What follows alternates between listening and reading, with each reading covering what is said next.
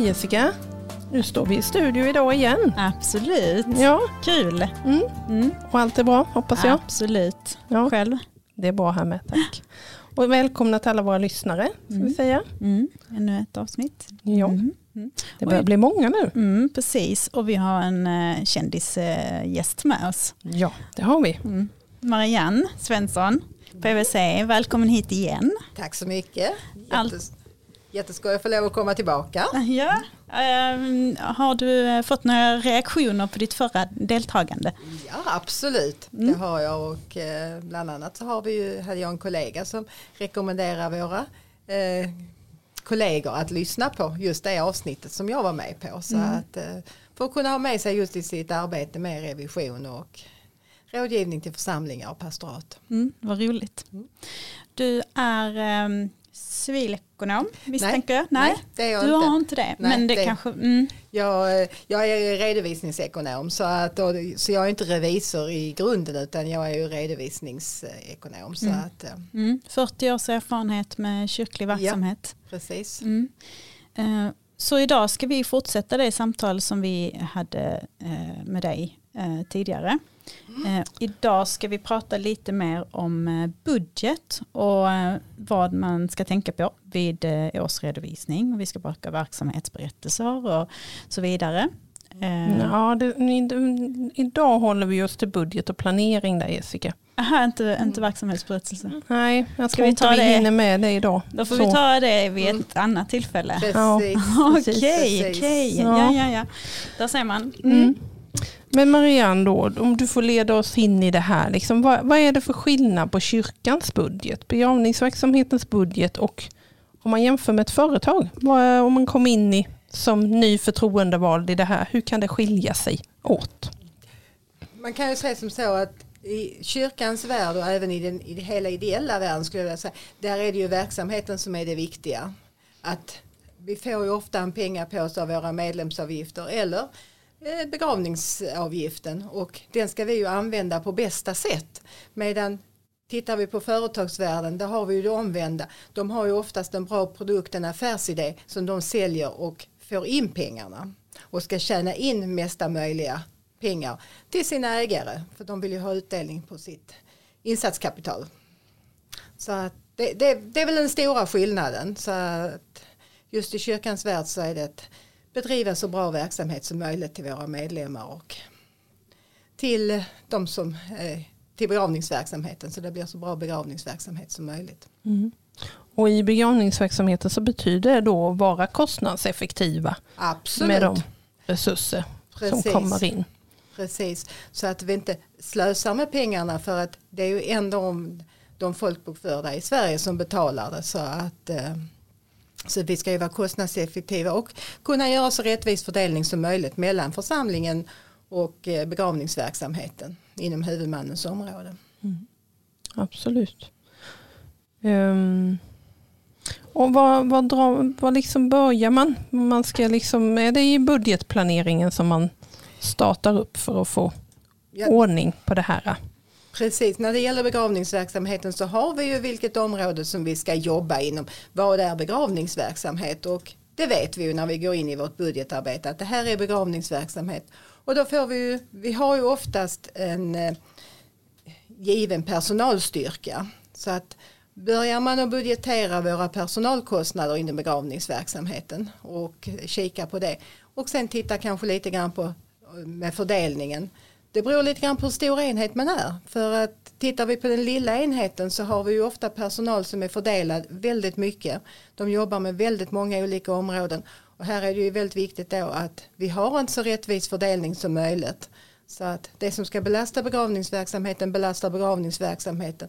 Och det som ska belasta till exempel serviceverksamheten eftersom de är så nära intill varandra de områdena att det belastar serviceverksamheten. Och serviceverksamheten är ju gravskötsel då. Precis. Framförallt kan ju vara lite andra tjänster också beroende på vad man Precis. tillhandahåller.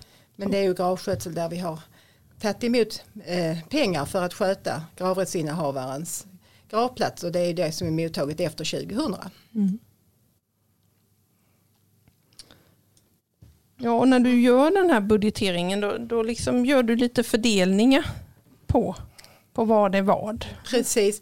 Man tittar ju på vad, vad, vad är det vi ska göra och som säger när man har fördelat personalen och där har man ju oftast en fördelning i grunden. Antingen så har man ju valt att fördela det via att eh, arbetstagarna lämnar in en tidrapport och man fördelar eh, tiden efter det. Eller så har man en schablonfördelning och där har man ju en beräkningsgrund i grunden så att säga.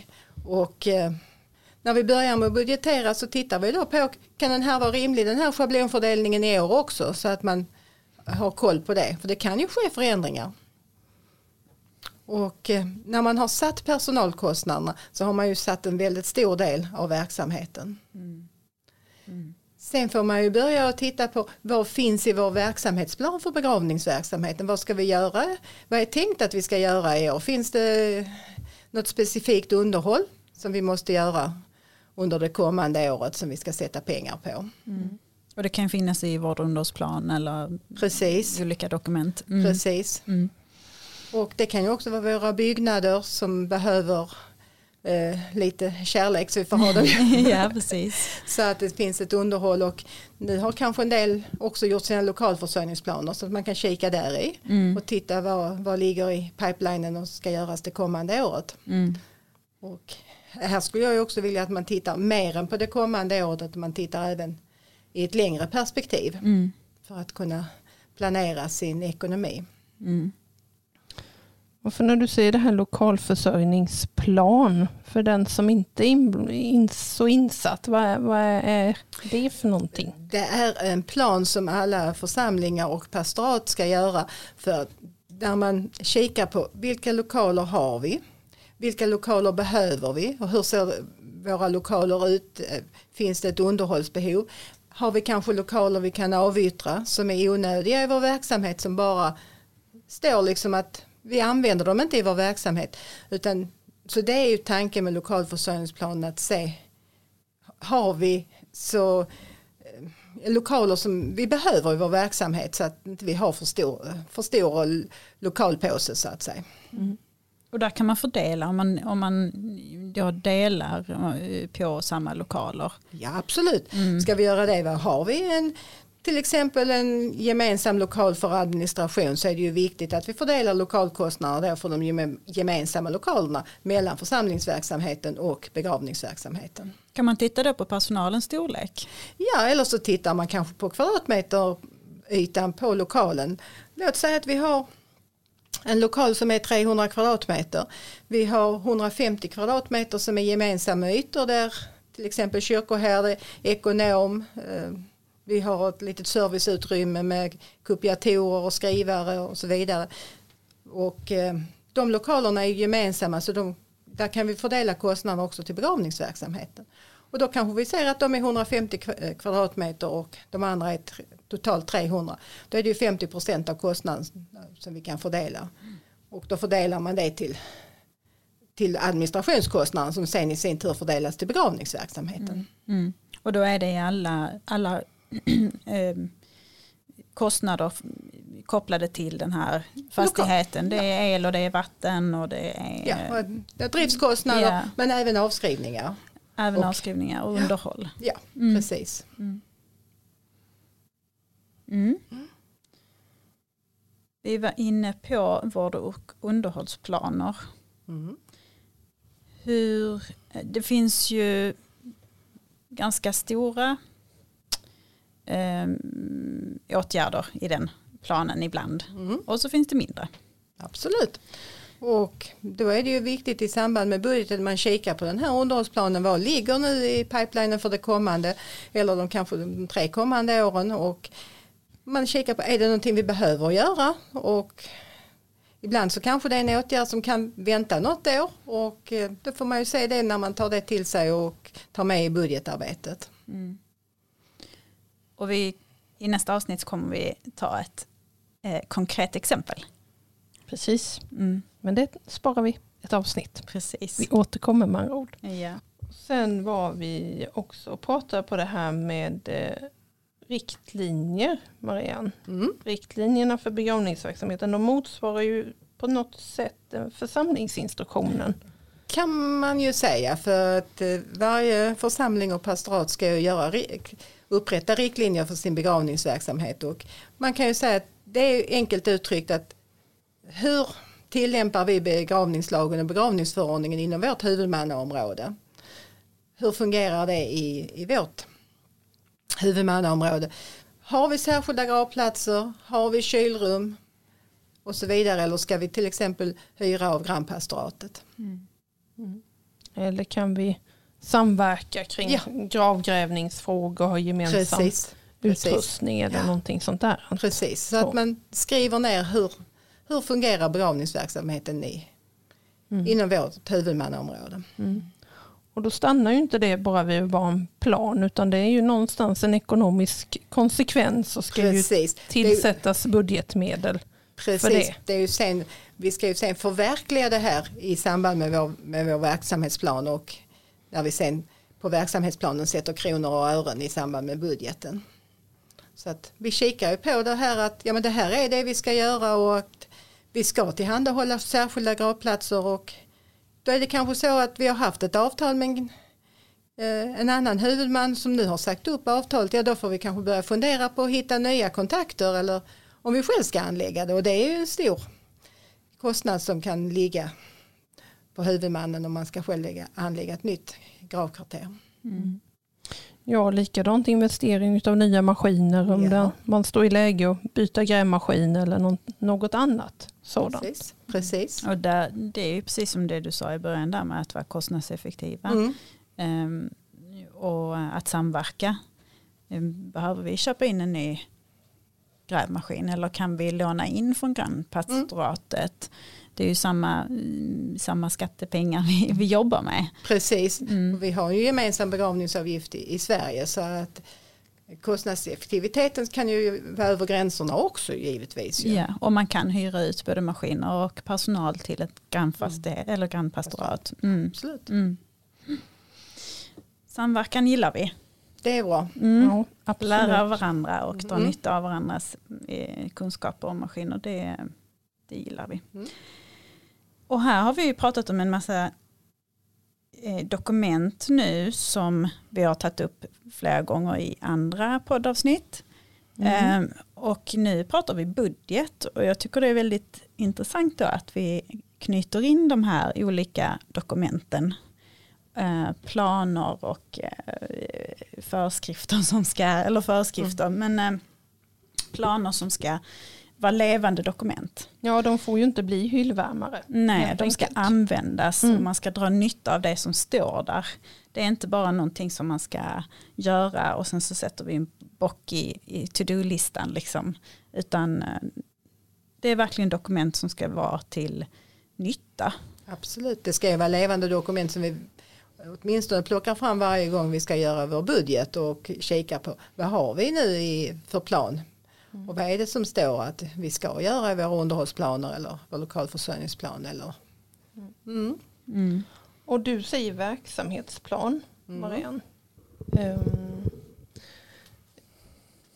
ja. den, den är liksom mm. någonstans så gör du budgeten eller de här andra planerna gör du konkreta Mm, alltså, till ett budgetunderlag i verksamhetsplanen. Precis, verksamhetsplanen är ju när vi bryter ner eh, Dels man säger, våra riktlinjer för begravningsverksamheten det är ju begravningslagen och begravningsförordningen och sen när vi bryter ner det till hur ska vi då liksom rent praktiskt hantera det i, i, i vår församling eller i vårt pastorat.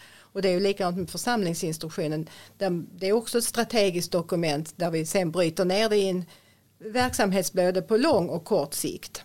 Mm. Och eh, när vi då har gjort den här mer långsiktiga planen och satt de målformuleringarna och det kan ju gärna vara på en tioårsperiod så tar vi ju fram den här långsiktiga verksamhetsplanen sen när vi ska göra vår kortsiktiga planering för det kommande året när vi också tar budgeten och sätter kronor och ören på det mer, mer konkret. Mm. Och då är det, pratar vi både löpande budget och en investeringsbudget. Absolut, absolut. Mm. Och där kan det ju vara bra just den långsiktiga om vi tittar på investeringar på begravningsverksamheten som man tänker till med finansieringen just på begravningsverksamheten för att är det så att församlingen måste låna upp kapital för att göra en investering på till exempel begravningsverksamheten så får man ju debitera den faktiska räntan på begravningsverksamheten. Och där skulle jag vilja ge ett litet tips att tänk till då för att har vi vi kan ta ett exempel. Vi behöver bygga en ny personalbyggnad på begravningsverksamheten och det ska vi göra 2023. Då tittar man på församlingens kapital. Ja men det har vi. Vi har pengar på banken så det kan vi finansiera. Och då gör vi det. Men sen ser vi ju att 2027 så skulle vi faktiskt behöva byta taket på kyrkan. Och det är ju församlingsverksamhet. Men då kanske vi måste låna kapital till det för att vi har inte så mycket pengar på banken så att vi kan betala eh, taket. Och eh, då får vi ju betala den faktiska räntan på församlingsverksamhet. Hade vi kanske tänkt till redan 2023 och lånat pengar till begravningsverksamheten och sen sparat kapitalet till eh, att finansiera takrenoveringen. Så hade vi kunnat ta den faktiska räntan på begravningsverksamheten och sen haft pengar till taket utan att behöva låna. Mm. Så att, lite grann framförhållning, hur ska vi finansiera våra investeringar? Mm. Ja, ja, och det är inte fel helt enkelt att låna till begravningsverksamheten. Nej, det är det ju inte eftersom det är huvudmannen som ska finansiera alla investeringar. Mm. Och hur det, det är ju sparade pengar från kyrkoavgiften från början som vi har på vårt bankkonto. Mm. Kan det hända att man behöver förklara detta för banken när man kommer det kan mycket, eller? Det tror jag säkert att man måste ja. förklara för att banken förstår inte skillnaden mellan begravningsverksamhet Nej. och församlingsverksamhet utan de tittar, ja men titta ni har ju pengar ja. på ert bankkonto eller ja, kanske investerat i, mm. i värdepapper och så vidare. Men eh, då får man försöka sätta sig ner och förklara för eh, banken att så här fungerar det och eh, med tanke på räntedebitering och så att mm. vi måste också se till, se om vårt hus. Mm. Och så får man eh, tipsa sin banktjänsteman om en podd. Det kan man också göra, absolut. Mm. Så budgeten är långsiktig, eh, långsiktigheten och skilja begravningsverksamhet från församlingsverksamhet ja. är väldigt viktigt. Det är jätteviktigt för att vi ska ha så rättvis fördelning som, bara, som är bara möjligt. Mm. Och sen har vi det där också med att när man gör stora investeringar och så säger vi att ja, men vi har pengar, vi tar hela investeringen detta året. Mm. Det, är det lämpligt eller ska man? Ja, alltså en investering är ju någonting som du har på flera år med avskrivningstiden så att mm. säga. Så att, eh, och eh, alltså själva utgiften har du ju det året du köper investeringen. Så det kommer man ju aldrig ifrån att rent likvidmässigt ska du ju betala den. Men man ska, men budgetmässigt eller redovisningsmässigt så, så, så, sprider man det ju mm. över flera år så att säga. Mm. Så att, och där får man ju göra bedömningen, är det en underhållsåtgärd eller är det en investering? Mm. Och nu när vi har fått tillämpa K3-regelverket i Svenska kyrkan så har vi också möjlighet till det här med som kallas komponentuppdelning. Det får du förklara mer om. Mm. Alltså, och har vi en fastighet så består den ju av eh, olika delar kan man säga. Och nu vill jag inte att man ska fördela ner sig hur mycket som helst men till exempel eh, ventilationsanläggningar, elsystem, har man en hiss så är det komponenter som har olika livslängd eller nyttjandeperiod i förhållandevis till, till huset i övrigt. Och då behöver vi kanske, om vi då ska byta ut elsystemet och, och tänker vi som vi hade i det gamla eh, regelverket Ja, då var vi tvungna att ta elsystemet som, eh, som en kostnad det året vi skulle byta ut det. Men nu med K3 så kan vi ju se, har vi något elsystem bokfört på, eh, på fastigheten? Ja det har vi men vi har faktiskt två års avskrivningstid kvar. Mm. Ja, då tar vi de här två åren som kostnad och utrangerar det gamla elsystemet. Bort med det. Och sen så lägger vi det nya elsystemet som en investering. Mm. Och så kan fördela kostnaden då på kanske till exempel 25 nya år. Mm. Då får man göra en bedömning hur lång nyttjandeperiod man tycker att det här elsystemet har. Ja. Mm. Och där får du mig att tänka på en delvis annan sak Marianne. Men Mm. om vi tänker just elsystem Mm. då och det här med att vi har två verksamheter. Det är både församlingsverksamhet och begravningsverksamhet. Mm. Att kostnadsfördela Absolut. elen är ju inte det enklaste alltid. Särskilt inte om det är på en landsbygdskyrkogård med en kyrka på så kan det ju mycket väl vara samma elsystem på både kyrkogårdsbelysning och kyrkans belysning och i värsta fall eller vad vi ska säga eluppvärmning. El. Mm. Ja. Jag skulle säga att det är nog mer vanligt än ovanligt att man har ett gemensamt gemensam mätare på elförbrukningen. Och då kanske man kan fixa det på något sätt eh, med elleverantören så att man får två olika mätare. Så att man har en på kyrkan och en på begravningsverksamheten. Alltså ute på kyrkogården och till personalbyggnaden eller så.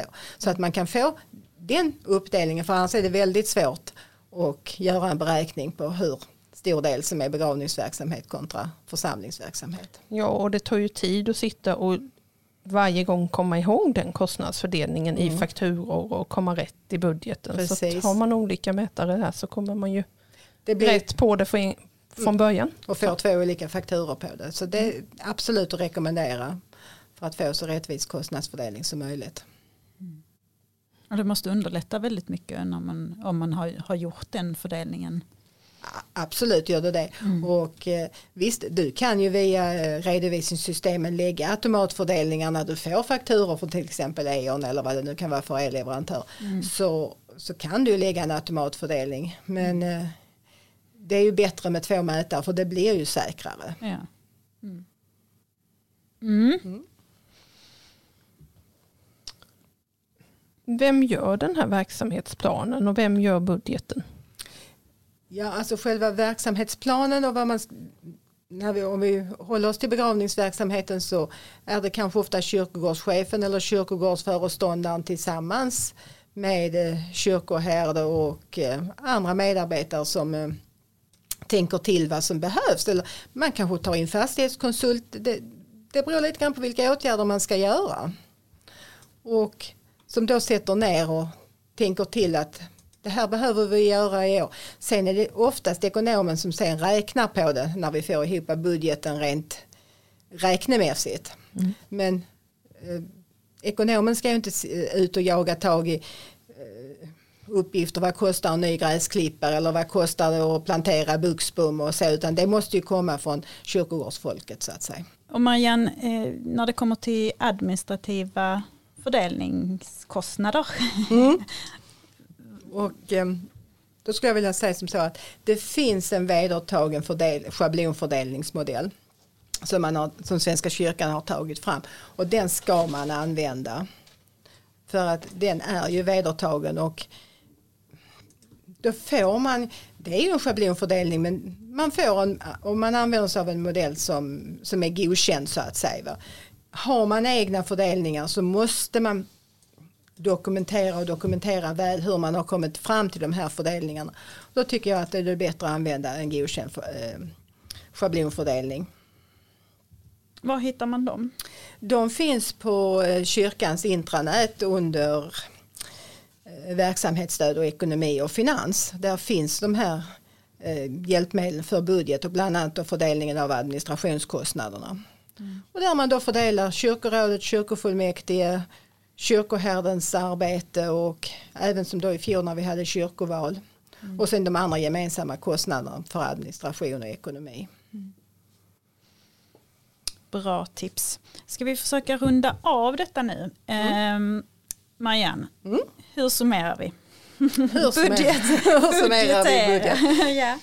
Kika på era eh, strategiska dokument och se vad finns där. Alltså då tänker jag på riktlinjerna och eh, är de nedbrutna till eh, den, långsiktiga verksamhetsplanen och bryt ner det till en eh, verksamhetsplan. Vi tar, tittar givetvis också på underhållsplaner och eh, lokalförsörjningsplan.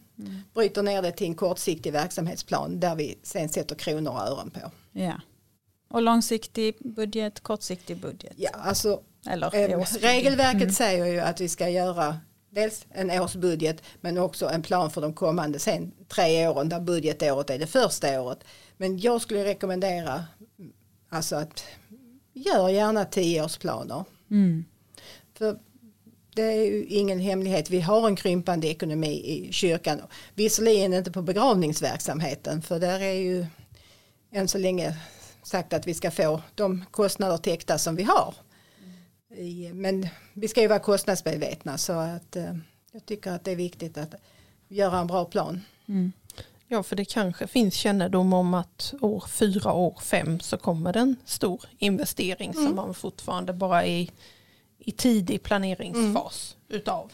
Mm. Och då skapar det ju en medvetenhet Mm. i det. Precis. Men vad bra.